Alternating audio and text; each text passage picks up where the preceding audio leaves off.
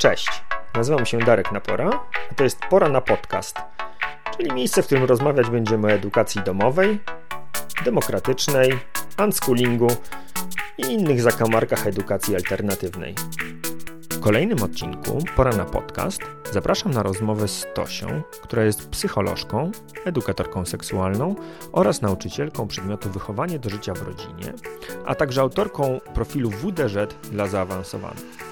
Porozmawiamy m.in. o tym, jak i kiedy zacząć rozmawiać z dziećmi o płci i seksualności, o tym, czego boją się rodzice, a także o tym, co WDŻ ma wspólnego z matematyką. Zapraszam.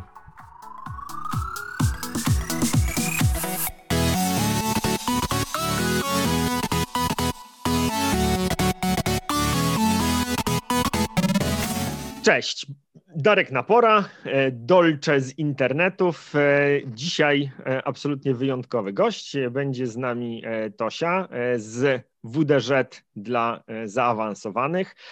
I Tosiu, pierwsze pytanie, co u Ciebie żywe?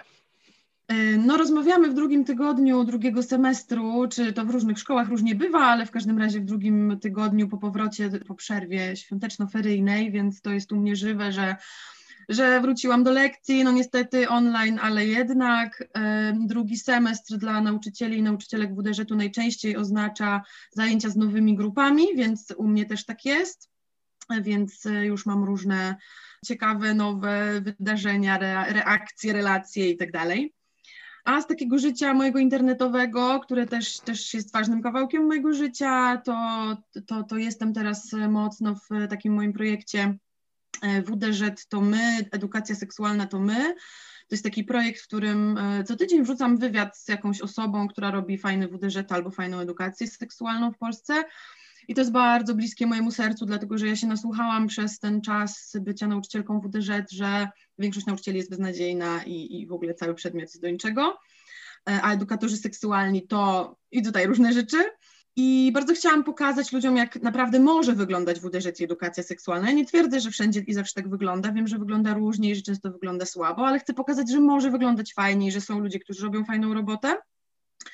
E, no właśnie, bo, bo wydaje mi się, że większość ludzi nie wie, że w ogóle takie osoby istnieją i właśnie chcę, chcę nas pokazać. No, ja właśnie e, w ten sposób e, dowiedziałem się o Twoim istnieniu, to znaczy mm, trafiłem na Twój instagramowy profil WDŻ dla zaawansowanych. I e, na początek chciałem tak z tej naszej pierwszej części prób umówienia się na to mm, spotkanie podzielić się pewnym doświadczeniem, bo mm, w trakcie korespondencji mój przeklęty słownik oraz ja osobiście, nie będę zwalał wszystkiego na telefon i słownik, popełniłem kilka błędów. No, po pierwsze e, użyłem czasownika w rodzaju męskim, zwracając się do ciebie. E, potem użyłem słowa mm, transseksualnej i szybko mi poprawiłaś na transpłciową osobę. E, o zaimkach osobowych nie wspominając. I słuchaj, Jeszcze byłam Asią. Ach, i Asia, tak, dokładnie, i Asia. Aczkolwiek to, to już był naprawdę słownik. Nie wiem, dlaczego nie było w słowniku Tosi. Więc słuchaj, pytanie, które, które mam do ciebie, dotyczy właśnie doboru słów. Zarówno w szkole, jak i w nazwie tego twojego kanału używasz słowa czy określenia e, WDŻ. Teraz opowiadając o swojej działalności, yy, mówiłaś o edukatorach i edukatorkach seksualnych. No, słowa niosą ze sobą pewien bagaż znaczenia, tak? I, i, mhm. i to nie jest przypadek, że y, takie, a nie inne słowa y, są używane. I chciałem Ciebie zapytać, jak Ty rozumiesz ten WDŻ? Znaczy ja założyłam profil, który się nazywa tak, jak się nazywa, dlatego że wtedy, kiedy on powstawał, on miał być tym, do, dosłownie tym, co jest w nazwie. To znaczy to miało być tak, że jak ja sobie prowadzę lekcje WDŻ-u w szkole i na przykład nie zdążę pokazać jakiegoś filmiku, albo e, nie zdążę się podzielić jakimś artykułem, e, albo on będzie za długi, więc na przykład będziemy omawiać na lekcji tylko część, to ja będę mogła wrzucić e, na tym kanale ten filmik, ten artykuł, podzielić się jakąś refleksją jeszcze po lekcji Czyli to będzie takie miejsce, gdzie ci uczniowie i te uczennice, którzy byli na lekcji, ale potrzebują więcej, chcą więcej, mogą sobie wejść i, i jakby uzupełnić swoją wiedzę. Więc taki był pomysł i dlatego, dlatego taka jest nazwa. Ale ja po drodze nie miałam y, ani razu takiego pomysłu, żeby zmieniać tą nazwę i póki ten przedmiot będzie się nazywał w szkołach WDŻ, albo póki ja będę uczyć tego przedmiotu, to myślę, że tak się będzie na, nazywał, mimo że nie wszyscy kojarzą tą nazwę, ale to trudno, będę tłumaczyć, ale, ale będę się tak nazywać. Więc, więc dlatego taka nazwa. Moja teza, albo przynajmniej przypuszczenie y, jest takie, y, że wybór tego określenia WDŻ nie jest przypadkowy i nie przypadkowo nie użyto tego drugiego określenia, którego y, użyłaś mówiąc o, o swojej pracy, czyli edukacja seksualna. I czy sądzisz, czy Twoim zdaniem ta różnica jest jakimś namacal, jest jakoś namacalnie widoczna w tym, co pojawia się w podstawie programowej, w treściach, które pojawiają się w szkole na, na WDŻ? Tak, oczywiście. Znaczy, jak powstawała ta nazwa, to tak jakby no ja byłam za młoda, żeby się tym interesować, ale z, z opowieści też wykładowców i wykładowczyń na, na studiach to, to, to wynika z tego, że to była żywa dyskusja na temat tego, jak to ma się nazywać. E, podobno jakby to te osoby, które, które nam o tym opowiadały, były gdzieś za takim przedmiotem, który nazywałby się coś około edukacji zdrowotnej. Nie pamiętam dokładnie, jak to miało się nazywać, ale coś, coś o zdrowiu. E, I w niektórych krajach zresztą ten przedmiot się nazywa zupełnie inaczej, w sensie no WDŻ to jakby nigdzie się nie nazywa, edukacja seksualna też wcale nie wszędzie. Ja nie pamiętam teraz dokładnie gdzie i jak, ale kojarzę, że jakiś, e, w, w jakimś kraju takim e, europejskim, zachodnim to się nazywa jakoś tam wiedza o człowieku, o właśnie o ciele i o psychice, jakaś taka długa nazwa, więc to różnie bywa. Nie wiem, czy w ogóle wtedy był, był brany pod uwagę, y, była brana pod uwagę taka opcja, że to była edukacja seksualna, bo nie wiem, jak wtedy było z powszechnością tego terminu. Teraz jest trochę tak, że, że są różne typy edukacji seksualnej. Jest edukacja seksualna typu A, typu B i typu C. Typu A to jest taka właśnie najbardziej wudeżytowa, ona się bardziej skupia na abstynencji do, do ślubu, na promowaniu naturalnych metod planowania rodziny, na tym, że seks to jest przede wszystkim odpowiedzialność, I to jest gdzieś tam zawarte bardziej lub mniej bezpośrednio w podstawie programowej. E, edukacja seksualna typu B to jest taka biologiczna, czyli mówimy co i jak, jeśli chodzi o biologię, i edukacja typu C to jest taka właśnie najbardziej to, co w Polsce niektórzy, właśnie jak mówię edukacja seksualna, to to mają na myśli, e, czyli edukacja mocno o zgodzie, o metodach antykoncepcji, bardziej, że seks to przede wszystkim przyjemność, że ludzie dokonują różnych wyborów, jeśli chodzi o ich życie seksualne czy życie rodzinne, E, I tutaj nam wchodzą też te e, słynne wytyczne WHO, czyli Światowej Organizacji Zdrowia. Więc to, to jest taka główna różnica. I w Polsce najczęściej, jak się mówi WDŻ, no to się ma na myśli tą, tą typu A, a jak się mówi edukacja seksualna, to się ma na myśli tą typu C. Aczkolwiek, e, no jeśli chodzi o to, co się dzieje w szkole, no to mnóstwo rzeczy zależy od nauczyciela.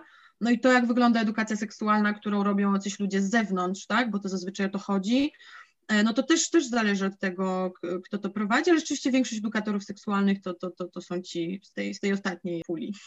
Rozumiem, że mówisz tutaj o środowisku szkolnym, natomiast gro osób, które będą e, nas słuchały, to będą osoby, które albo mają dzieci w edukacji domowej, albo przygotowują się do, do podjęcia takiej decyzji. E, mhm. Więc no, kontakt e, tych dzieci z edukatorami i edukatorkami seksualnymi czy ze szkołą będzie bardzo ograniczony.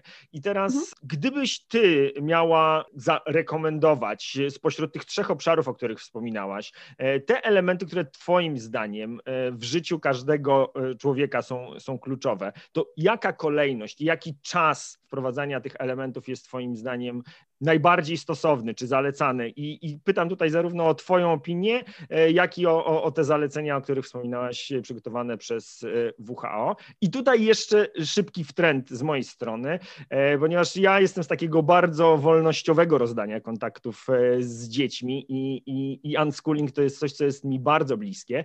I tutaj w tym aspekcie, między innymi, matematyka trafia do tej samej grupy, mam spory zgryz, bo z jednej strony wychodzę z takiego założenia, że dzieciaki są bardzo kompetentne i trafią e, decydować o tym, co i kiedy jest dla nich ważne, a z drugiej strony nie mam takiej pełnej gotowości na to, żeby zostawić to zupełnie nieporuszone i pozostawiać ten moment przekazania jakichkolwiek skrawków wiedzy przypadkowi. No i ciekaw jestem, jak, jak ty się odnajdujesz w takim, w takim homeschoolingowym środowisku, czy co zalecałabyś w takim homeschoolingowym środowisku?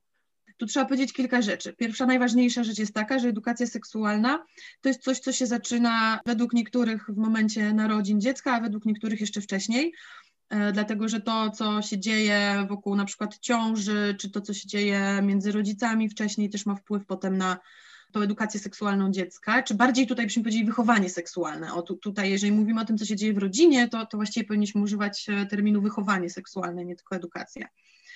E, więc to się zaczyna od samego początku.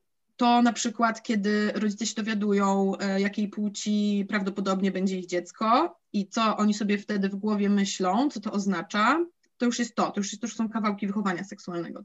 Czy oni się cieszą, czy się nie cieszą, albo jakie oni mają wyobrażenia o tym dziecku w związku z tym, tak, że jak dziewczynka to coś tam, a jak chłopiec to coś tam to, to, to już się dzieje. Potem takim e, najbardziej widocznym elementem e, wychowania seksualnego, no to jest, są codzienne takie e, czynności pielęgnacyjne wokół dziecka, czyli na przykład zmienianie pieluchy. No zazwyczaj rodzice coś tam mówią do dziecka, kiedy to robią, tak, nie robią tego w totalnej ciszy i jakieś emocje temu towarzyszą, tak, i to, to, to, to już też są kawałki wychowania seksualnego, to już są też, też przekazują jakieś informacje dziecku na temat tego, na przykład czy jego genitalia, czy jego wydzieliny są fajne, niefajne, trzeba je bardziej chować, czy można się nimi cieszyć. E, I tutaj już też najczęściej używamy jakichś słów, tak, e, że, że, że twoje coś tam na przykład, tak, myje ci, no i tutaj rodzice bardzo różnych słów używają, tak, czy podczas kąpieli. I jak to robimy, właśnie co mówimy, więc no przede wszystkim to, to jest taki pierwszy mit, że ludziom się wydaje, że właśnie ci edukatorzy seksualni to przyjdą w którymś momencie życia i, i zaczną tą edukację, nie wiem, właśnie za wcześnie albo nie tak jak trzeba, a jakby to, co trzeba powiedzieć, to to, że to się zaczyna od samego początku. Co może właśnie trzeba byłoby wyjaśnić, że nie trzeba się bać tego słowa seksualna, bo to pochodzi z angielskiego i tu nie chodzi o seks jako czynność, tylko chodzi o płciowość, więc, więc dlatego ta, to wychowanie się zaczyna już od samego początku, bo to, co nam się gdzieś tam kojarzy z płciowością czy cielesnością, no to zaczyna się od samego początku, no bo, no bo od urodzenia mamy ciało. I tutaj, ach, dochodzimy do, do tego kawałka, który powiedziałeś o matematyce i myślę, że z edukacją czy z wychowaniem seksualnym jest tak samo, to znaczy przychodzi taki moment naturalny, kiedy dziecko po prostu jest zainteresowane. E, na początku jest zainteresowane w ten sposób. Oczywiście nie wszystkie dzieci, mówię tutaj o jakiejś, e, o jakiejś większości, o jakichś nurtach, to nie musi być tak, że, że zawsze każdy wszystko. No ale najczęściej przychodzi taki moment, że dziecko e, na przykład się dotyka w swoje genitalia, tak, czy, czy zadaje jakieś pytania. Najczęściej zauważa, że, że mama ma coś, a tata ma coś, albo że brat czy siostra ma, ma tam coś innego.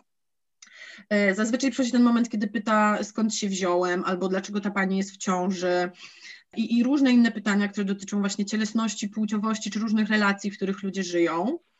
Więc jest ta naturalna ciekawość dzieci jak najbardziej i, i, i to, to, to, są już takie momenty, gdzie po prostu rodzic, no, prawda, odpowie albo nie odpowie, jakoś tam się zachowa, ucieszy, przestraszy, zażenuje. I tu dziecko też już dostaje taką informację, czy ten obszar y, życia jest ok, czy on, o tym można rozmawiać, czy o tym nie można rozmawiać, czy o tym można rozmawiać z rodzicem, czy nie, bo on jakoś tak reaguje, że może lepiej go nie narażać, tak, na jakieś nieprzyjemne emocje. E, no właśnie, to jest też taki kluczowy moment. No i po, potem jest taki moment, że dziecko dojrzewa, więc też naturalnie mogą się pojawiać różne pytania, tak? Czy, czy to, co się ze mną dzieje, jest normalne, nienormalne, czy, czy, czy innym też tu rosną włosy, czy tylko mi, e, czy inni, nie wiem, też, też mają takie zmiany nastrojów, czy się tak pocą, czy mają takie pryszcze i, i tak dalej, i tak dalej. Więc jest dużo Słuchaj, takich mogę momentów... tobie teraz przerwać na sekundę? Nim przejdziemy dalej, musimy zacząć, musimy ustalić sobie jakąś terminologię, bo będziemy przez całą rozmowę gadać. Jak mamy mówić o narządach płciowych? E, no kurczę, e, u mnie w domu przez wie, wiele lat korzystaliśmy ze słowa penis oraz cipka. Wiem, że cipka jest dla wielu osób takim nieco wulgarnym słowem. U nas w domu się świetnie przyjęła. Natomiast potem przeczytałem książkę pod tytułem Seksuolożki, w której była rekomendacja, żeby używać słowa strom.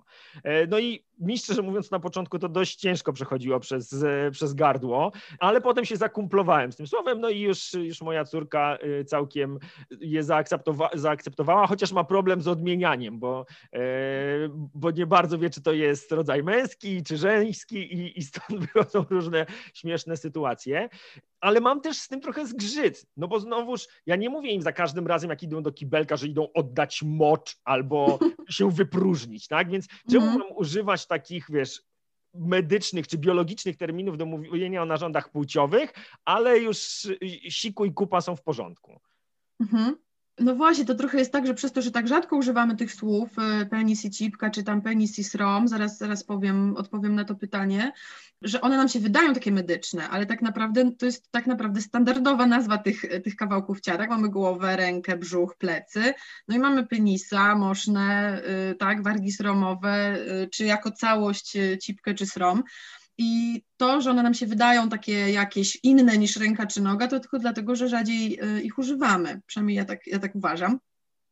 Ja mam, jeśli chodzi o to, jakich słów używać, ja akurat uważam, że zasada jest taka, możemy używać wolnych, domowych słów, e, czyli tutaj najczęściej tutaj chodzi o siusiaka, jeśli chodzi o chłop, chłopców i to, no to jest w ogóle najpopularniejsze słowo, tak, jakby gdzieś tam pewnie w przedszkolach, czy, czy no jest jakby, czy w szkołach na, na tych pierwszych, e, pierwszych latach edukacji jest najczęściej używanym słowem. Jeśli chodzi o e, dziewczęce narządy, jest, jest albo problem, albo jest właśnie dobrze, bo jest więcej do wyboru, zależy jak podejść. Znaczy ja akurat uważam, że problem w takim sensie, że, że fajnie by było, żeby było jedno słowo przyjęte przez wszystkich, byłoby łatwiej. I ja uważam, że wszystko jedno, którego słowa będziemy używać, z tych, które zaraz wymienię, bo mamy tak, mamy cipkę, która przez niektórych jest uważana za wulgarna, ale, ale bardzo się już zadomowiła w Polsce Polsce jednak, to, to głównie za sprawą książki Wielka Księga Cipek. Mamy srom, który jest najbardziej medycznym słowem, zresztą w podręcznikach to jest srom niewieści. E, niektórzy go nie lubią, bo źródło słów jest taki, że to jest wstyd, ja akurat jak mówię nastolatkom to słowo, też czasami pierwszy raz je słyszą, to bardziej im się kojarzy ze sraniem niż z tym wstydem, ale no też kiepsko. Um, mamy, mamy jeszcze e, waginę, to jest takie słowo, które słownikowo oznacza tylko pochwę, ale czasem można znaleźć e, w takim znaczeniu całości tych zewnętrznych narządów płciowych. Zresztą są też e, dziewczynki małe, które mówią, że mam waginkę. E, więc to słowo też w formie takiej z, z jakby dziecięcej też, też się pojawia. I mamy jeszcze słowa e, najrzadziej używane z, z łaciny czy z angielskiego vulva, czasem się pojawia i jeszcze mamy słowo joni z sanskrytu, które jest najrzadziej, ale z kolei ma przepiękne źródło słów, bo to oznacza właśnie źródło, początek. Więc to jest taka właściwie, to jest takich pięć słów, które gdzieś tam są do wyboru. No i oni i vulva są rzeczywiście rzadko używane, więc zostaje nam um, srom, ta wagina i, i, i cipka. I ja mam akurat takie podejście i mam absolutny taki apel, nie, jakby nie kłóćmy się, które słowo jest lepsze. Jasne, możemy sobie rozmawiać, że mi się coś tam tak kojarzy albo siak kojarzy, ale po prostu mówmy i to jest najważniejsze. Mówmy po prostu swobodnie w miarę, na ile tam potrafimy, ale po prostu mówmy o seksualności, i to już jest, to już jest naprawdę wystarczająco dużo, bo, bo właśnie bo nadal mamy osoby, które mówią tam na dole, e, czy tam nie wiem, e, półpa z przodu, e, czy nie wiem, jest taka książka na przykład dla dzieci, która, która mówi, że chłopcy mają, chyba nawet tam jest penisa czy siusiaka, wszystko jedno, a dziewczynki mają gładkie łono. No, czyli ja, ja bym chyba zrozumiała, że nic nie mają, tak, no bo gładkie, takie, to mi się kojarzy z tym, co ma lalka Barbie, no a lalka Barbie nie ma nic, tak. Więc ja, mi akurat, ja uważam, że wszystko jedno. E, I bo nie wiem, czy to powiedziałam, czyli zasada jest taka, możemy używać słów tych dziecięcych, jeśli ktoś, nie wiem, uwielbia z dzieciństwa słowo, nie wiem, siuśka, nie wiem, kuciapka, po prostu przeróżne są, to nie chodzi o to, że to jest zakazane słowo, ale żeby dziecko znało też te słowa e, takie bardziej neutralne czy bardziej dorosłe, po prostu żeby je oswajało i żeby mogło się też dogadać i jakby wytłumaczyć, o co mu chodzi, jeżeli będzie rozmawiało z kimś, kto nie zna akurat jego czy jej domowych słów. Jest to mega istotne. E, nas to spotyka bardzo, bardzo często podczas obozów, kiedy, no nie wiem, przysłowiowy y, klesz zboczeniec, o którym opowiadamy na początku każdego, e, każdego turnusu. Kleszcze lubią e, ciepłe, wilgotne miejsca i naprawdę jest tak, że e, nastoletnie osoby mają problem z tym, żeby wytłumaczyć, gdzie ten klesz się znajduje. Mhm. I to wynika właśnie z braku po pierwsze takiego komfortu mówienia o, o, o okolicy y, narządów płciowych, ale często po prostu nie mają odpowiedniego słownictwa, żeby to umieć, y, żeby to umieć wytłumaczyć. Także naprawdę jest, jest to realna potrzeba i to nie jest tak, że, y, że to jest jakaś rozmowa, która się nigdy nie przydarzy. To są po prostu sytuacje, mhm. kiedy tylko dziecko znajdzie się poza opieką swojego, e, swojego rodzica, e, choćby u lekarza e, po raz pierwszy. Mhm. No znane są, znaczy u lekarza to też musi być z rodzicem, jeśli nie ma tych tam 16 czy 18 lat, ale to są też poważniejsze sytuacje, kiedy dziecko zgłasza y, przypadki molestowania seksualnego i y, one są albo bagatelizowane, dlatego że dziecko używa takich słów, że z tego nie wynika, że to było molestowanie, tak, bo, bo, bo na przykład używa słów, że nie wiem, tam ktoś się bawił czymś i używa tutaj takiego słowa, nie wiem, bułeczką na przykład, tak, tam nie wiem, ktoś się bawił ze mną moją bułeczką, no to, to, to nie wzbudza y, jakichś emocji i, i, i takiej ostrożności wśród, wśród dorosłych, którzy to słyszą, no bo to brzmi niewinnie. E, albo wręcz wiemy, że, że nawet jeśli dzieci w, w sądzie e, używają właśnie takiego dziecięcego słownictwa, to po prostu te zeznania są tak jakby e, no, mniej wiarygodne, uznawane za mniej wiarygodne po prostu, bo, bo do końca nie wiadomo, o czym to dziecko mówi. Hmm. Więc no, z różnych powodów jest ważne, żeby, to, żeby oswajać to słownictwo. I potem dla dorosłego życia też, naprawdę, to, to jakby to, to ma znaczenie, jak mówimy. Ale ja nie zakazuję tych dziecięcych słów, tylko po prostu mówię, że jeżeli trudno gdzieś tam jest, to przynajmniej je dodawać, tak? Mówisz na przykład, słuchaj, to jest siusiak, a, a dorośli ludzie mówią na to penis, tak? Na przykład w ten sposób.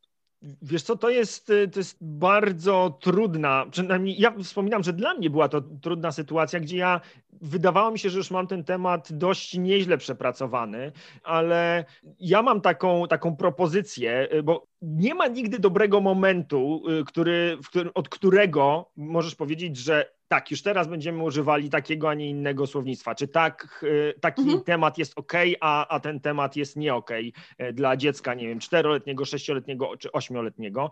I to są decyzje, które w przypadku edukacji domowej zawsze podejmują rodzice, więc oni mogą to robić rzeczywiście z taką wrażliwością na potrzeby mm, swojego dziecka. Natomiast y, moja propozycja jest taka, żeby dorośli w swoim własnym towarzystwie, czy to z partnerem, partnerką, czy z jakimiś osobami, które, które są dla nich znajome, bliskie, y, koledzy, koleżanki, poćwiczyli po prostu sobie gadanie o, o tej intymności i, i o narządach płciowych, bo to jest po prostu fizycznie trudno czasem wydusić te słowa z gardła, jeżeli nie masz y, doświadczenia. Jeżeli w twoim domu y, nie było otwartości na takie rozmowy między rodzicami i dziećmi, to potem naprawdę jest się mega trudno otworzyć na to, żeby ze własnymi dzieciakami o tym rozmawiać. No i tak z pokolenia na pokolenie przechodzi z, z coraz większą trudnością i każde kolejne pokolenie ma, ma, ma w, tym, w, tym wię, z tym większy kłopot. Także... Ja się podpisuję pod tą radą w pełni, zresztą mam taki post, który polecam, który się nazywa tam jak rozmawiać z dziećmi na trudne tematy i to jest jak najbardziej jeden z, jeden z punktów tam. Ja zresztą nawet stworzyłam grupę na Facebooku WD, że dla rodziców, żeby właśnie stworzyć taką przestrzeń dla rodziców, którzy nie mają z kim porozmawiać, bo jakby nie każdy ma taką grupę znajomych, którzy chcą rozmawiać o penisach, e, więc jeśli, jeśli nie macie, to, to zapraszam zapraszam. Ta grupa gdzieś tam się dopiero rozwija, bo to tak spontanicznie powstał e, ten pomysł. Ale tak, jak najbardziej to jest, to jest dobry pomysł, tak, tak. Najpierw przegadać różne tematy z dorosłymi. Ale jeśli mogę, to chciałabym dokończyć, e, bo jakby e, wyszliśmy z, z, w połowie odpowiedzi na to twoje pytanie, w którym nawiązywałam do twojego tego porównania z matematyką. Mhm. Więc tak, z jednej strony opieramy się na ciekawości dziecięcej i odpowiadamy na te pytania, które przychodzą same, ale istnieje ten drugi kawałek, czyli są pewne informacje, które trzeba w jakimś momencie e, przedstawić. I tutaj ta E, tak, jakaś odpowiedzialność czy rodziców, czy wiedza rodziców powinna być włączona. I po to właśnie powstały wytyczne WHO, żeby tak jakby e, podsumować to, kiedy, kiedy o czym byłoby fajnie z dzieckiem porozmawiać. E, jakby no polecam te, te wytyczne czytać na spokojnie, powoli i, i, i dobrze czytać nagłówki wszystkich tabelek, dlatego że mnóstwo ludzi jakoś zupełnie bez zrozumienia przeczytało te, te, te, te, te wytyczne. Stąd te, te, te, ciężarówki i różni ludzie, którzy twierdzą, że, że WHO każe uczyć dzieci masturbacji w wieku 4 lat, czy tam wyrażania zgody na seks w jakimś tam wieku, to ta, tam tego nie ma naprawdę. Ta, tam rzeczywiście jest hasło masturbacja, ale tam nie chodzi o to, żeby uczyć, ja mam zresztą dwie, dwie śmieszne odpowiedzi na ten zarzut. Pierwsza to jest naprawdę nie trzeba ludzi uczyć, znaczy dzieci uczyć się masturbować. Faktycznie dorośli czasami chcą się uczyć masturbować, ale dzieci zazwyczaj nie, nie trzeba, bo dzieci są po prostu ciekawe, one się po prostu dotykają. Jakby też masturbacja y, dziecięca, masturbacja ta nastoletnia czy dorosła to są w pewnym sensie inne zachowania. One mają inne, inny cel. To nie jest kwestia zaspokojenia y, potrzeby seksualnej, bo dzieci tak takowej nie mają, tylko to jest kwestia zaspokojenia ciekawości. I to, I to w dorosłych umysłach rodzą się różne y, obawy czy różne skojarzenia, ale to nie są zachowania seksualne w takim sensie, jak to dorośli rozumieją. Więc te wytyczne mogą być tutaj, tutaj wsparciem, ale też no jakby taka wiedza nasza, czyli jeżeli wiemy, że, że dzieci dojrzewają, a dojrzewają już e, w okolicy 9 roku życia, a dostają miesiączkę też czasami koło 9-10 roku życia, no to znaczy, że ja muszę o tym powiedzieć mojemu dziecku wcześniej. Tak? I też fajnie by było powiedzieć wszystkim dzieciom, nie tylko tym, które będą miesiączkować, tylko wszystkim, że, że, że niektórych takie coś spotyka w takim wieku. Tak? Jeżeli wiem, że od 15 roku życia w Polsce można uprawiać seks, to oczywiście nie znaczy, że, że wszyscy tego trzymają ani w jedną, ani w drugą stronę. Tak? W sensie są tacy, co zaczynają wcześniej, są tacy, co zaczynają dużo później. No ale to jest jakaś taka granica, powiedzmy, w pewnym sensie może kulturowa, ale może warto jakoś wziąć pod uwagę że na przykład byłoby fajnie, żeby nasze dziecko coś tam kojarzyło już na przykład z antykoncepcji, czy właśnie kwestie zgody na przykład. Kwestia zgody to jest akurat taka rzecz, która w wychowaniu się pojawia dużo, dużo, dużo wcześniej, no ale jeśli chodzi o takie wiedzowe rzeczy, to właśnie na przykład antykoncepcja. E, no więc są takie momenty, gdzie, gdzie myślę sobie, że tak jakby ta osoba, która ma tego uczyć, e, to ona też czasem musi zadecydować, że to już czas. Hmm. Tak, no to jest to, o czym teraz powiedziałaś, to jest e, ta koncepcja rodzica jako przywódcy e, i osoby, która bierze jednak odpowiedzialność za osobę, która e, wie o świecie mniej I, i, i, to jest nasza jako dorosłych odpowiedzialność, żeby, żeby przygotować dzieci na te sytuacje, które z całą pewnością w ich życiu się przydarzą. No, kłopot polega na tym, że to zupełnie inaczej może być rozumiane przez różne osoby, o tym, co, co, co jest konieczne i co jest ważne. Mhm. I, I często te opinie na temat tego, co jest ważne, co warto przekazać wcześniej, e, jest dyktowane takimi nie do końca merytorycznymi e, informacjami, czy nie do końca w ogóle nie do końca faktami, a, a raczej mhm. opiniami czy jakimiś wierzeniami, przeświadczeniami na, e, na, na różne tematy. No i tutaj oczywiście pojawia się temat e, religii, e, która mhm. bardzo często zawadza o temat intymności, płciowości, seksualności. I ciekaw jestem, jak ty sobie radzisz z tą, z tą sytuacją, kiedy to, o czym mówisz, te, te informacje, które przekazujesz, zawadzają o temat, nie wiem, grzechu, brudu, mhm. nieczystości, no różnie to w różnych religiach e, jest nazywane.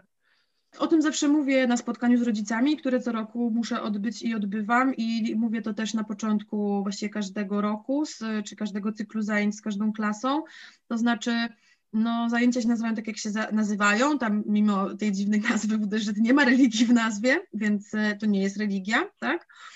E, oczywiście jakiś tam aspekt zasad moralnych jest ważny w seksualności i gdzieś tam każdy je jakoś ma.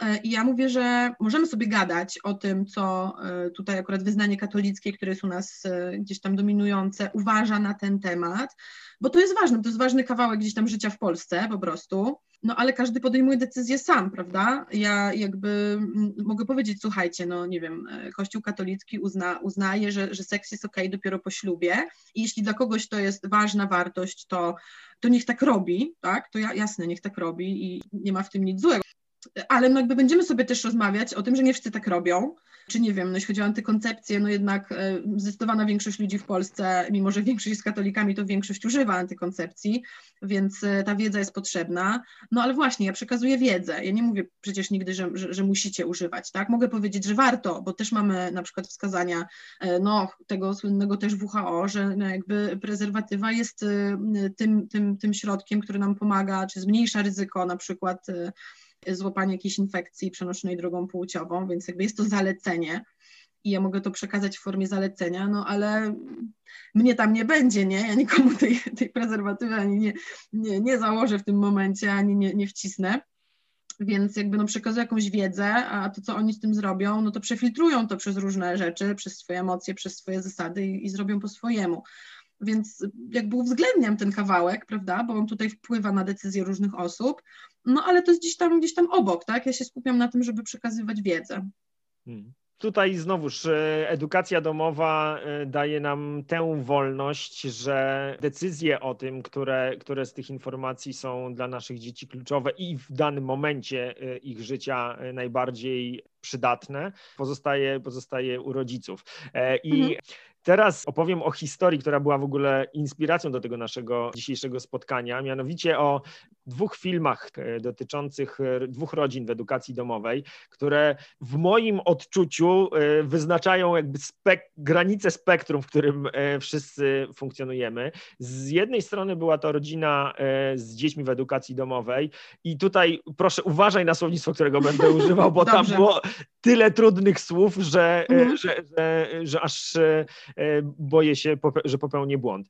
Więc była to rodzina pięcioosobowa, tu którym jedno z dzieci było apłciowe, drugie niebinarne, natomiast rodzicami była trójka polimory... poliamorycznych. Poli... I już brakuje mi słów. Dobra, była, była mama, w sensie yy, mama chyba też biologiczna, jak rozumiem, chociaż to chyba nie było powiedziane, yy, ale mama, yy, czyli osoba, która jest kobietą i było dwo, dwo, dwie y, transpłciowe kobiety też dzieci, e, wydawało mi się, teraz dobrze nie pamiętam, wydawało mi się, że obydwoje z tych dzieci jest niebinarne. Jakby niebinarność to jest taka, taki trochę parasol i niektórzy w ramach tej, tej niebinarności mówią, że czują się agender i tam jest jeszcze kilka innych sformułowań, które gdzieś tam można do siebie przypasowywać, ale, że tak powiem, niebinarność jest tym najbezpieczniejszym słowem, bo to jest taka, takie właśnie słowo parasol, czyli mamy tutaj wszystkie te osoby, które nie czują się wyłącznie mężczyznami albo wyłącznie kobietami, co oznacza różne rzeczy, ale właśnie no, proponuje to hasło nie, nie, niebinarność, tak. Jasne. E, natomiast po drugiej stronie e, spektrum była znowuż rodzina, która wyniosła się w zasadzie z cywilizacji takiej, jak my ją rozumiemy. Zamieszkała gdzieś na jakimś absolutnym odludziu. Siódemka dzieci, dwoje bardzo religijnych, bardzo tradycyjnie podchodzących do ról płciowych osób, e, no i jeszcze wchodzących oczywiście w takie te najbardziej stereotypowe myślenie o, ty, o tego typu postawach, czyli odrzucający koncepcję szczepionek jako zabezpieczenia przed chorobami, no i podział na te zadania w gospodarstwie domowym, taki wyciągnięty niemal e, z XIX wieku. I teraz, e, kiedy umieściłem te dwa filmy i zaprosiłem osoby y, w, wśród rodzin edukacji domowej do dyskusji na ten temat, no w zasadzie wszyscy rzucili sobie, się sobie wzajemnie do gardeł. To znaczy tam nie było rozmowy, absolutnie. To nie było mhm. albo masz prawo robić to, co masz, mm, to, co masz ochotę robić. I to byli oczywiście, to były oczywiście te osoby, które wspierały tę, tę rodzinę o bardzo nieuregulowanych rolach płciowych oraz y, druga grupa, która mówiła, że to jest koniec świata, że w ogóle ludzkość się kończy. I teraz mam pytanie do ciebie. Jak ty radzisz sobie w takich, w takich sytuacjach? No bo masz z całą pewnością kontakt z osobami, które mają bardzo różne e, postawy wobec e, ról płciowych, wobec tego, co oznacza bliskość, co oznacza seks, e, co oznacza rodzina. Jak, jak, jak to wygląda w Twojej praktyce? Mhm. Z tak skrajnymi przykładami się nie spotkałam, nawet nie, nie, nie widziałam też żadnych materiałów o rodzinach w Polsce tak funkcjonujących, w sensie poliamorycznych, czy mm, zdarzają się pewnie w Polsce rodziny, w których rodzice nie definiują płci e, czy tożsamości płciowej swojego dziecka, chociaż nie widziałam materiału na ten temat, widziałam z, ze Szwecji taki materiał, bo tam rzeczywiście w przedszkolach też um, nie, nie określa się tak, e, tak tych dziewczęcych i męskich czy chłopięcych e, zadań i też tam, tam, tam częściej zdarzają się rodziny, które rzeczywiście nie określają tożsamości płciowej swoich dzieci. No o amiszach w Polsce też nie słyszałam, nie, nie wiem czy istnieją, nie, nie mam pojęcia, więc jakby z takimi skrajnościami nie muszę sobie radzić. To jest też trochę tak, że nawet z mniejszymi skrajnościami też nie muszę sobie radzić w takim sensie, że no jakby ja mieszkam i pracuję w Warszawie, w szkole społecznej, ja nie mówię, że to wszystko określa i że jakby do, tak, do mnie do, do szkoły chodzą tylko osoby z jakiejś takiej, no jakby bardzo, nie wiem, wąskiej bańki, ale mimo wszystko nie z całego spektrum um, poglądów na, na, na rodzinę i tak dalej. Chociaż oczywiście, tak, no jakby te różnice są. Jak sobie z tym radzę? To jest ten taki podział, tak, na poglądy i na wiedzę, czyli możemy mieć poglądy takie, jakie chcemy, na rzeczy, na które można mieć poglądy, a tam, gdzie jest wiedza, to, to możemy mieć albo rację, albo możemy się mylić. No i akurat y, odpowiedź na pytanie, czym jest rodzina, jest tak, takim momentem, gdzie każdy z nas może sobie znaleźć swoją definicję, czym dla mnie jest rodzina. Ważne jest, żeby nie mówić drugiej osobie, e, to, to, to gdzie ty żyjesz, to w ogóle nie jest rodzina, to, to jest niefajne, ale każdy z nas może mieć taką swoją definicję i też zresztą lubię z dzieciakami o tym rozmawiać, czym dla ciebie jest rodzina i czy właśnie to są bardziej więzy krwi, czy bardziej na przykład to, że się razem mieszka, czy bardziej to, że, że się wspieramy, tak? To, to różnie może być, to są bardzo ciekawe, ciekawe rozmowy, ale to jest akurat taki kawałek, którym każdy może mieć e, po swojemu. Okej. Okay. Mm, wiesz co, y, dla mnie y, takim y, dosyć fascynującym momentem, kiedy zapoznawałem się z tymi twoimi materiałami, było to, był post, w którym napisałaś, że e, miłość to nie seks, a seks to nie miłość. I teraz mhm. E, ja mam takie wrażenie, że w polskiej tradycji, kiedy się, kiedy się mówi o, o, o bliskości fizycznej i, i o seksie właśnie, to jednak jest taki obraz i bardzo wzmacniany, że w momencie, kiedy uprawiasz seks y, z osobą, której nie kochasz, to jest, no już pomijam, że to jest to grzech, ale że to jest gorsza jakość, czy że ty zachowujesz mhm. się nie tak, jak y, należy. I e, mhm. ciekawi mnie bardzo, dlaczego ty odróżniasz y, te dwie rzeczy od siebie? No mhm. bo oczywiście nie trzeba ich rozdzielać, bo one mogą jak najbardziej funkcjonować razem, ale co, co ty rozumiesz, mówiąc o tym, że miłość to nie seks, a seks to nie miłość? Mhm. No właśnie chciałabym na samym początku zaznaczyć, że jeżeli ktoś uważa, że e, dla niego seks bez miłości jest, nie wiem, czymś złym albo czymś po prostu takim, czego nie chce robić, to jest totalnie w porządku. I, I, tak ma bardzo dużo ludzi zresztą. To nawet dostało swoją na, na, nazwę taką e, demiseksualność, czyli to, że pociągają mnie osoby, które, no właśnie do których coś czuję, tak? które, e, które jakby właśnie, że ta seksualność jest połączona z tą romantycznością. Więc jeśli tak macie, to jest totalnie w porządku. Jeśli uważacie, że tylko tak mm, się powinno, to też jest w porządku. No ale jakby no tutaj właśnie powinniśmy z kolei rozdzielić na to, co ewentualnie się powinno, a na to, co istnieje. W sensie no jakby zasady czasem sobie, a życie sobie. Taki pogląd, że seks zawsze się łączy z miłością, a miłość zawsze się łączy z seksem, może mieć różne negatywne konsekwencje. I myślę, że z tego sobie warto na początku zdać sprawę, zanim stwierdzimy, że ja jestem jakaś niemoralna. To znaczy, po pierwsze, są związki, e, w których ludzie się kochają i nie uprawiają seksu, czy to nigdy, czy to chwilowo, z różnych powodów, tak? To może być, e, to może być na przykład białe małżeństwo też, prawda? To może być związek, e, gdzie te osoby były w związkach małżeńskich z innymi osobami i właśnie są bardzo religijne i dlatego nie uprawiają seksu z następną osobą, e, więc to może być też w tą stronę. To może być też z powodów jakichś medycznych, tak? Nie wiem, nawet zagrożona ciąża czy połóg, tak? I, i, I, więc są takie albo osoby aseksualne, które po prostu nie mają takiej potrzeby i, i co? I one się nie kochają, no nie no, przecież jak mówią, że się kochają, no to dlaczego ja mam im mówić, że się nie kochają, prawda? To one to wiedzą najlepiej. I to jest krzywdzące dla tych osób. Plus w drugą stronę, jeżeli ktoś uważa, że seks się zawsze wiąże z miłością, a miłość zawsze z seksem, może się niestety y, sparzyć. I to, to tu powiem taką stereotypową wersję tej historii, tak? Czyli dziewczyna się y, spotyka z chłopakiem, są na etapie tak, jakichś takich, y, nazwijmy to, miłosnych podchodów, tak? Czy jeszcze nic nie zostało powiedziane wprost, tak? Randkują. E, to nie musi być nastolatka, to może być, to mogą być dorosłe osoby, nie ma problemu. No i, e, no i uprawiają seks. I budzą się rano i ona ma w głowie, on mnie kocha, jesteśmy w związku, no bo uprawialiśmy seks, tak? No seks to miłość, miłość to seks. A on się budzi rano e, i myśli sobie, uprawialiśmy seks. I oczywiście może być na odwrót, jeśli chodzi o płcie, w, każdym, w każdym to może być zestawieniu. No ale problem jest w tym, że w tej wersji, którą ja powiedziałam, on ma rację, no bo to się wydarzyło, a ona nie ma racji. To jakieś przypuszczenie, no być może rzeczywiście on ją kocha i chce być z nią w związku, ale to nie zostało jeszcze ustalone i póki oni tego nie powiedzą, e, no to, to, to się nie wydarzyło jeszcze. Hmm. I ona na przykład już oczekuje wierności, ona oczekuje, nie wiem, telefonu, kwiatów, zainteresowania, ale oni się na to jeszcze nie umówili. E, I nawet jeśli nas to oburza, taka sytuacja, tak, że, że, że, nie wiem, na przykład, że jak on tak może, tak, że jak on może uprawiać z nią seks i nie chcieć być z nią w związku, czy, czy nie, nie kochać jej, no to może nas to oburzać, ale to się może wydarzyć, tak, nam, e, naszym dzieciom, którym opowiadamy o tym, czym jest miłość, a czym jest seks. I dlatego, nawet jeśli uważam, że tak powinno być, no to warto mówić o tym, że jakby nie dla wszystkich tak jest i, i nie zawsze tak musi być. Oczywiście dodajemy tu jeszcze sytuację osób, które po prostu lubią czy praktykują seks bez miłości. No i też, czy to jest złe, czy to jest dobre, ja nie wiem, w takim sensie jakby zależy, jaki e, układ moralny do tego przyłożymy. Jak przyłożymy katolicki, to wiemy, że to jest złe, no ale jakby no nie, wszyscy, nie wszyscy jesteśmy katolikami, nie wszyscy musimy akurat ten układ przykładać. Czy to jest złe dla tej osoby? Też nie wiem, tak? Nie musi być, może być złe, może być dobre. To, to, to już zależy od różnych głębszych rzeczy i jakby ja, ja o tym nie jestem w stanie zadecydować. No, więc to są takie pułapki tego myślenia, że seks to miłość i miłość to seks. I, I no właśnie, dlatego zaznaczam, że to może być razem, ale nie musi być razem i warto o tym mówić, że to są dwie rzeczy.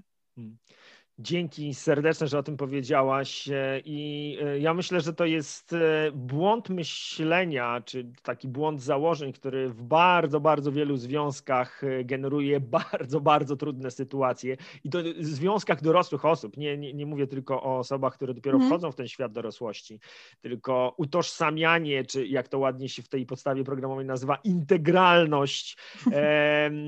miłości i, i, i, i seksu i identyfikowanie szczęśliwego związku jako takiego, który, w którym jest, jest seks, no po prostu bardzo często prowadzi do, e, do rozpadu tych związków, bo, bo tak jak powiedziałaś, mhm. no może być bardzo wiele sytuacji, które sprawiają, że przez dłuższy lub krótszy czas ten seks się w związku nie pojawia, a miłość wciąż może kwitnąć, o ile nie mamy zakodowanego od maleńkości w głowie przekonania o tym, że jeśli tego seksu nie ma, to znaczy, że coś jest nie tak.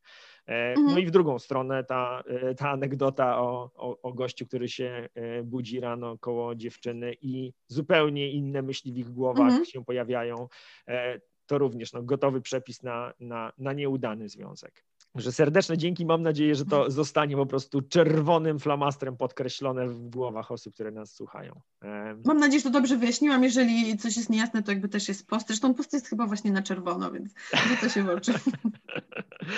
Dobra, słuchaj, to e, jeszcze teraz e, takie pytanie osobiste, bo mhm. jesteś też mamą i powiedz mi, czy mhm. są takie rzeczy, które byłabyś gotowa, czy o których byłabyś gotowa rozmawiać ze swoim dzieckiem, ale nie ze swoimi uczniami lub w drugą stronę? Czy, czy twoja rola jako edukatora seksualnego w stosunku do dzieci, które nie są twoim potomstwem, jakoś się różni od, od twojej roli jako mamy? Trudno mi w ogóle to jakoś połączyć, dlatego że moje dziecko jest żłobkowe, a moi uczniowie są końcówka podstawówki liceum, więc trudno mi to jakoś połączyć. Ale ja mam taką zasadę w sumie wobec mojego dziecka i wobec, ja też mówię moje dzieci, na, na moje dzieci szkolne, to jakby no to jest po prostu szczerość, tak? Bo gdybym ja nie była szczera, to właściwie po co oni mieliby mnie o coś pytać? Więc jeżeli dostaję pytanie, to staram się na nie jak najlepiej odpowiedzieć. Czasem, no, no tak, według najlepszej wiedzy, którą mam, czasem to oczywiście wymaga powiedzenia, e, słuchaj, no tyle wiem, ale potrzebuję jeszcze sprawdzić, e, powiem Ci za tydzień resztę, bo muszę sprawdzić, jakby WDŻ i edukacja seksualna to są bardzo szerokie dziedziny i jakby zahaczają mnóstwo różnych dziedzin innych, więc, więc ja nie wiem wszystkiego.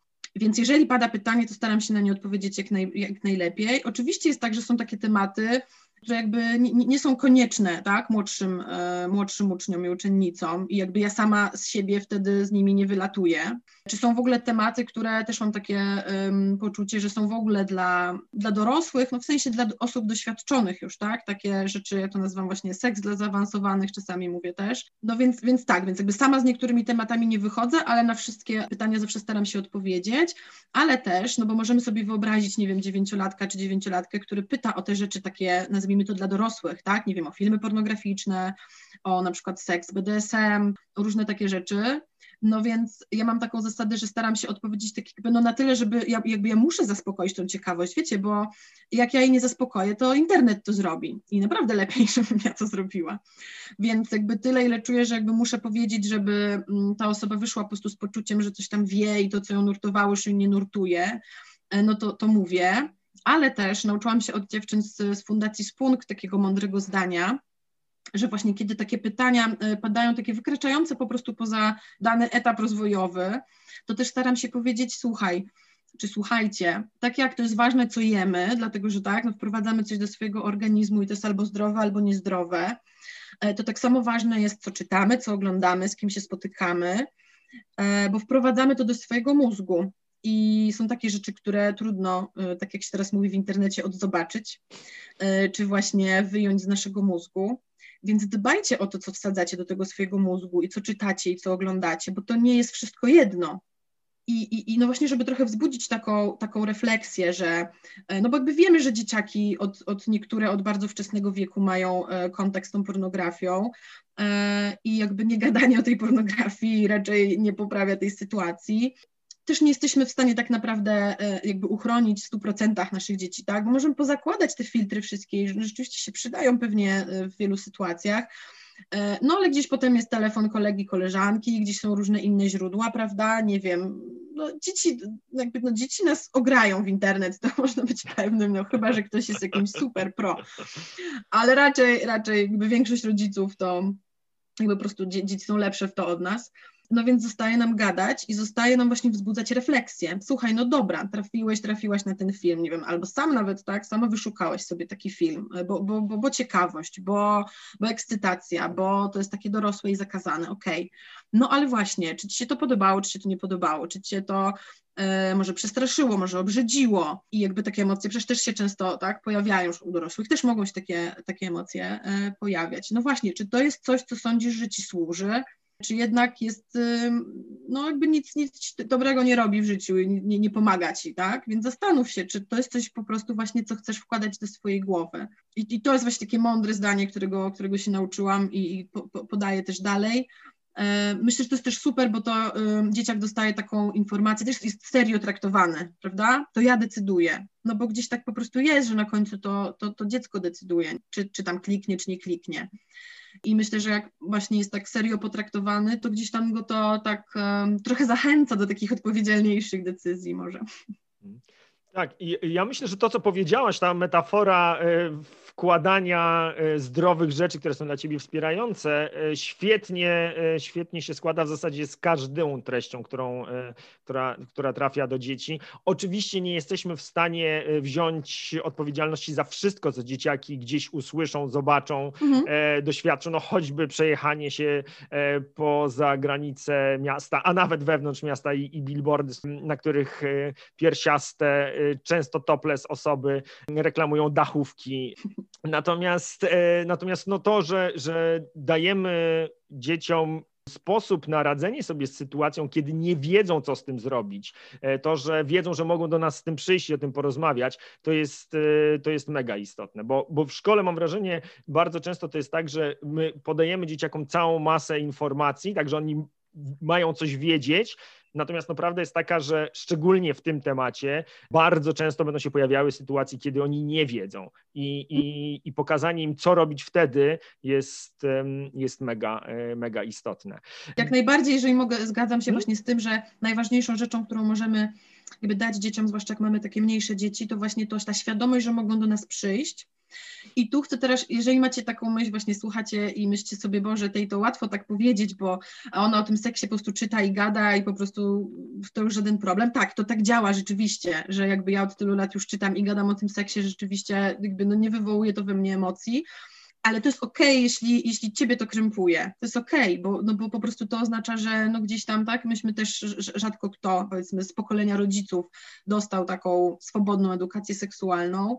To jest okej, okay, jeśli cię to krępuje i też chcę powiedzieć, możesz powiedzieć swojemu dziecku, że cię to krępuje. To też nie jest, e, nie wiem, no jeżeli to jest dla ciebie okej, oczywiście, żeby to powiedzieć, tak? Możesz powiedzieć, słuchaj, kurczę, trudno mi się o tym rozmawia, bo nikt ze mną o tym nie rozmawiał, jak, jak byłam dzieckiem. I ja, ja strasznie chciałabym o tym z tobą pogadać, bo strasznie żałuję, że nikt o tym ze mną nie gadał, jak byłam dzieckiem, nie? Tylko wiesz, trochę jest tak, że, że ja też się muszę tego nauczyć, nie? Więc jakby trochę będziemy się uczyć razem. I, i, i no, więc jakby to nie jest tak, że jeżeli się krępujecie, to już na pewno zrobicie to źle, bo nawet jak się krępujecie, to możecie dać to poczucie dzieciom, że one mogą do Was z tym przyjść i że Wy się dowiecie, tak? I oczywiście jednocześnie właśnie zachęcam do gadania, do czytania, do obserwowania kont właśnie też o edukacji seksualnej w internecie, bo to też nas oswaja e, z, z, różnymi tematami, więc po prostu zachęcam do, do, do, ja mam też jakby u siebie polecane książki, dla rodziców też są dwie książki super po polsku, polskie w ogóle, więc właśnie zachęcam do takiego oswajania i mówię, jeżeli to jest dla Was problemowy temat, to jakby, jakby nie szkodzi, tak? Nadal możecie e, zrobić fajną edukację seksualną swoim dzieciom. Tak, no ja najbardziej polecam twoje, e, twoje media społecznościowe, bo naprawdę jest to Dziękuję. taka forma, którą no, do mnie trafiał na bardzo, bo jak ty powiedziałaś o czytaniu tabelek WHO, ja tak, aha, jasne, kto przeczyta tabelkę WHO, come on. E, natomiast e, no, ta forma taka bardzo, bardzo lekka, bardzo kolorowa, mimo że mam już 40 lat na karku, świetnie do mnie trafia i, i jest naprawdę zachęcająca do tego, żeby, żeby zajrzeć w to głębiej. Potem z tą, e, z tą wiedzą z, naprawdę zachęcam, żeby, żeby znaleźć sobie osobę, z którą będziecie w stanie po prostu patrzeć jej w oczy, o tym pogadać. No a jeśli nie aż tyle, to przynajmniej, e, to przynajmniej ta grupa e, rodziców. Jeszcze w niej nie jestem, ale zaraz jak skończymy naszą rozmowę, to, to, to dołączam, bo jestem mega ciekaw, jakie, mm, jakie tematy i w jakiej formie są, e, mhm. są poruszane. Mhm. Zapraszam. W ogóle jest też tak, że do mnie się odezwała grupa um, właśnie rodziców w edukacji domowej z Warszawy, tylko to była i właśnie chcieli, um, żebym zrobiła takie warsztaty dla dzieciaków ich, tylko to był no to było jeszcze wcześniej, ale powiedzmy, że we wrześniu zaczęłam gdzieś tam to organizować, a w połowie października przyszedł lockdown, więc jakby no nie można się było spotykać. Jakby ja formy online do końca nie czuję i ona też jest z różnych powodów, też powiedzmy prawno-organizacyjnych e, trudna ale gdzieś taki pomysł organizowania takich warsztatów też, e, też jest, no tylko, że tak powiem, czasy muszą przyjść trochę lepsze. No. Tak, natomiast no, z całą pewnością, szczególnie jako rodzice w edukacji domowej, e, myślę, że wiele osób nie będzie chciało tego oddawać e, zupełnie w cudze ręce i też mhm. zrzucać tego trochę ze swojej głowy, prosimy rodziców o nieoszukiwanie się, tylko e, nawet jeżeli jest trudno, to nie po to jesteśmy w edukacji domowej, żeby było łatwo. Mm, jak chcemy, żeby było łatwo, to od tego jest szkoła. Tak, ale jakby jest jednak czasami tak, jakby to, to jest taki ideał, tak, żeby rodzice są w stanie w pełni tą edukację zrobić seksualną, ale no jakby różnie bywa, tak? Czasami gdzieś tam się orientują trochę za późno. E, czasami no jakoś tak różnie dzieci też są takie dzieci, dla których to jest ok, a są dzieci, które to dzieci są tak totalnie już skrępowane rozmawianiem o tym z rodzicem, że no, że się to nie da, tak, bo to będzie po prostu tak właśnie takie sztuczne, więc jakby ja uważam, że tutaj szkoła, czy, czy po prostu ktoś z zewnątrz się jednak może przydać, szczególnie przy, przy starszych nastolatkach, które właśnie już mogą być trochę, trochę zażenowane rozmową z rodzicami, totalnie nie wszyscy, tak, i to nie jest nie wiem, obowiązkowy etap, nie musi tak być, no ale może tak być, więc jakby też, też, też rozumiem, że czasem ktoś z zewnątrz też się może przydać, tak? Mhm. Jak najbardziej, chociaż e, mój syn, kiedy powiedziałem mu, że będę z tobą e, rozmawiał, e, prosił mnie, żebym ciebie zapytał, czy ktoś ci kiedyś powiedział, że jesteś zboczona. E, I wiesz, wyobraź sobie, że nie, w sensie o mnie nie, bo oczywiście e, pewnie gdzieś mogłam przeczytać, że edukatorzy seksualni to są jacyś tam zboczeńcy, to pewnie tak, ale że pani Tosia to nie, i to ani od uczniów, ani od y, rodziców, ani nawet jak się tak zastanawiam, nawet w internecie nikt tak o mnie nie napisał, co powiedzmy byłoby prostsze, nie? Ale co śmieszne, ja tak czasami mówię. To znaczy, czasem jak właśnie y, gdzieś tam sobie różne, o różnych trudnych rzeczach rozmawiam z, z uczniami, uczennicami, zwłaszcza w online, bo po prostu nie widzę, akurat u mnie nie ma obowiązku kamerek e, w ogóle w szkole, a jakby ja też na swoich lekcjach bym, bym w życiu nie chciała y, zmuszać nikogo do kamerek, więc jakby je nie widzę ich, więc czasem, czasem ich tak pytam y, po jakimś takim kawałku, gdzie tam coś mówiłam i jakby słuchajcie, jakby co o tym sobie myślicie? Czy was to może ktoś się oburzył, może ktoś sobie pomyślał, że pani Tosia jest zboczona. E, jakby tak trochę ich pod, pod, um, tak pod, podkręcam, żeby, żeby właśnie coś powiedzieli jakby i też daję taką przestrzeń, żeby ktoś powiedział, że tak, że to nie wiem, to jakby było dla mnie za dużo, ale nie zdarzyło się, żeby ktoś powiedział, że że tak, więc, więc bardziej ja używam tego słowa, żeby jakoś tam zachęcić do jakichś takich, do wyrażenia emocji, ale właśnie o mnie jeszcze nikt tak nie powiedział. Spoko. A miałaś jakąś taką trudną sytuację e, podczas zajęć, która e, wybitnie utkwiła ci w pamięci? Ja nie lubię tego pytania, bo to jest najczęstsze pytanie do, do nauczycieli i nauczycielek i edukatorów. Jak nie chcesz, nie musisz odpowiadać. Ale je właśnie to jest tak, że ja po prostu nie pamiętam. W sensie są przeróżne sytuacje.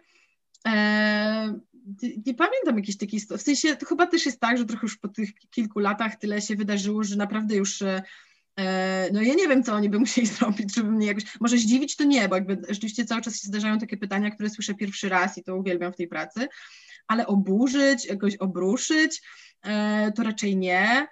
Lubię taki moment, kiedy oni zaczynają zadawać na przykład pytania, właśnie przekraczając jakieś granice, w sensie na przykład pytania osobiste. No to pamiętam, że było pytanie, w młodszej klasie było pytanie, ile pani ma lat. E, teraz to można znaleźć, bo gdzieś tam się w internecie jest ta informacja, dlatego że ja właśnie lubię to pytanie. Akurat to pytanie lubię, dlatego że lubię na nie odpowiadać wprost i mówić, że, że w ogóle nie czaję takiego e, krycia swojego wieku. E, że jakby uważam w ogóle, że to jest jakby szkodliwe w naszej kulturze, takie, że ojej, że może, a może sobie odejmę, a może nie powiem. I nie lubię tego takiego też, że, że nie wiem, na przykład potem ktoś się czuje w obowiązku, żeby powiedzieć, o wygląda pani na mniej albo coś takiego, w sensie jak wyglądam na mniej, no okej, okay, no może tak być, a może tak nie być, ale nie jest to dla mnie komplement, nie mam problemu z tym, żeby wyglądać na tyle, na ile mam po prostu, nie? Więc to akurat się ucieszyłam, że było to pytanie, bo mogłam powiedzieć coś, co jest dla mnie ważne. A z takich e, intymnych pytań to pamiętam, że było pytanie, bo akurat e, jedna uczennica się tam bardzo, no myślała o tym po prostu intensywnie i zapytała, i tak nawet powiedziała, pewnie pani nie powie, ale zapytam, czy pani miała swój pierwszy raz e, z osobą, dla której też to był pierwszy raz, czy która była już doświadczona?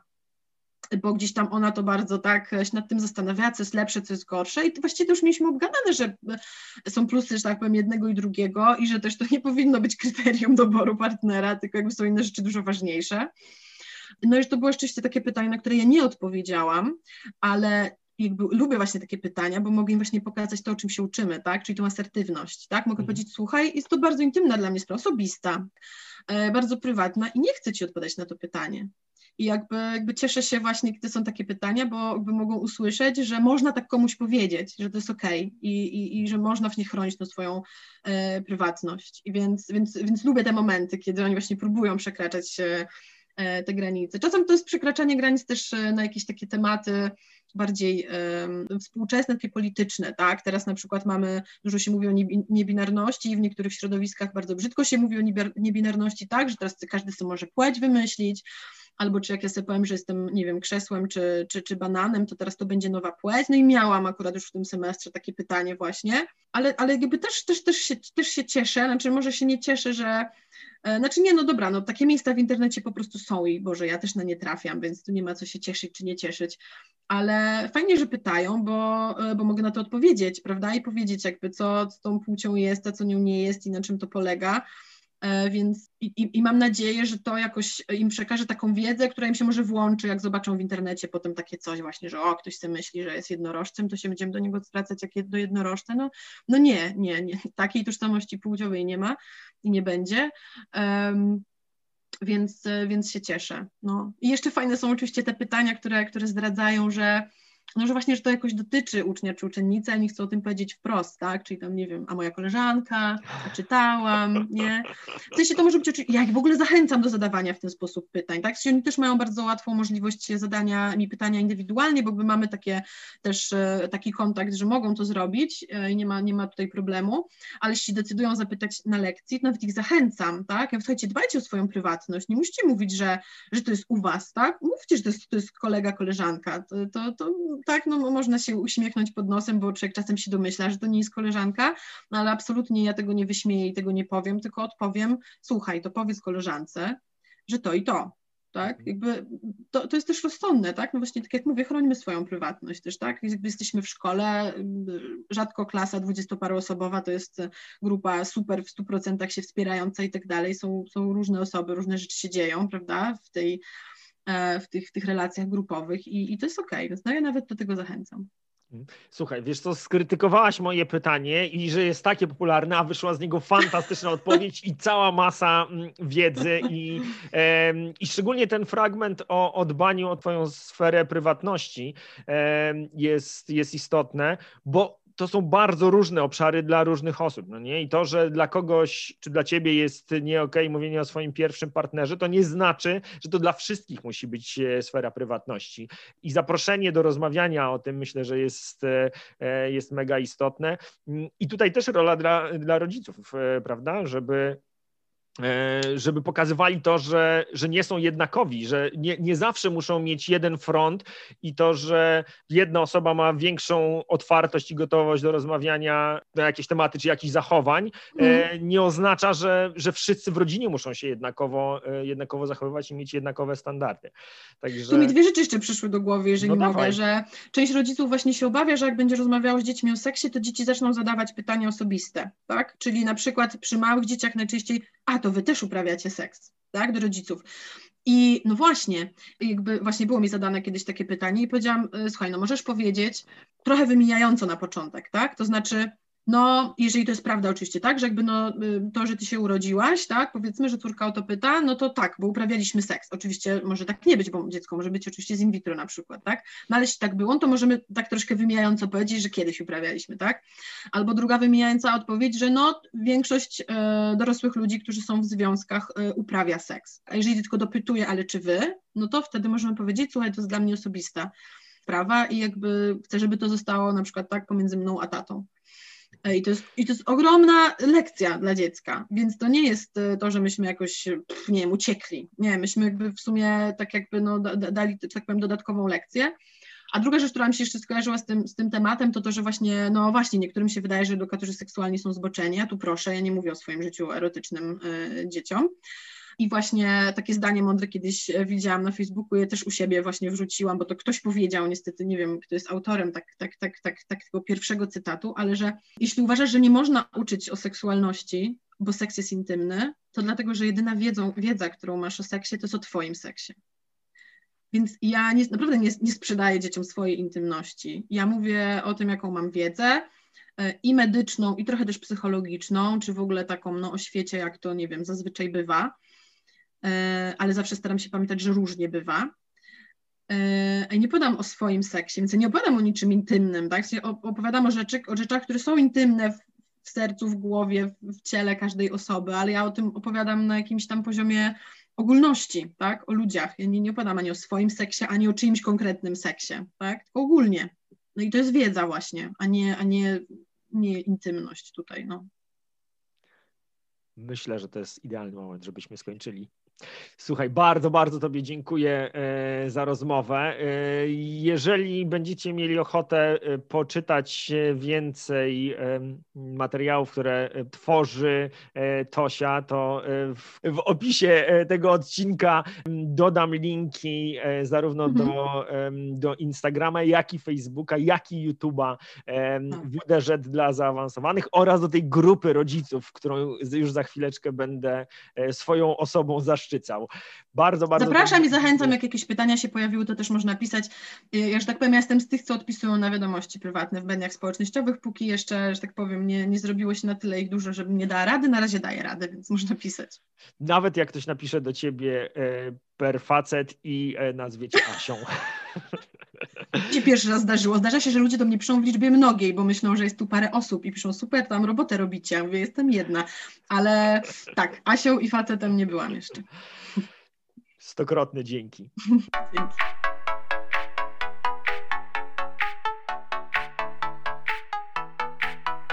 Dzięki za wysłuchanie kolejnego odcinka Pora na podcast. Jeśli uważasz, że był wartościowy, cenny, ciekawy, to zachęcam Cię do udostępnienia go. Jeśli masz jakieś pytania, wątpliwości dotyczące edukacji domowej albo któregoś z tematów, który poruszaliśmy w odcinku, to zapraszam Cię do kontaktu. Mój adres znajdziesz w opisie tego odcinka.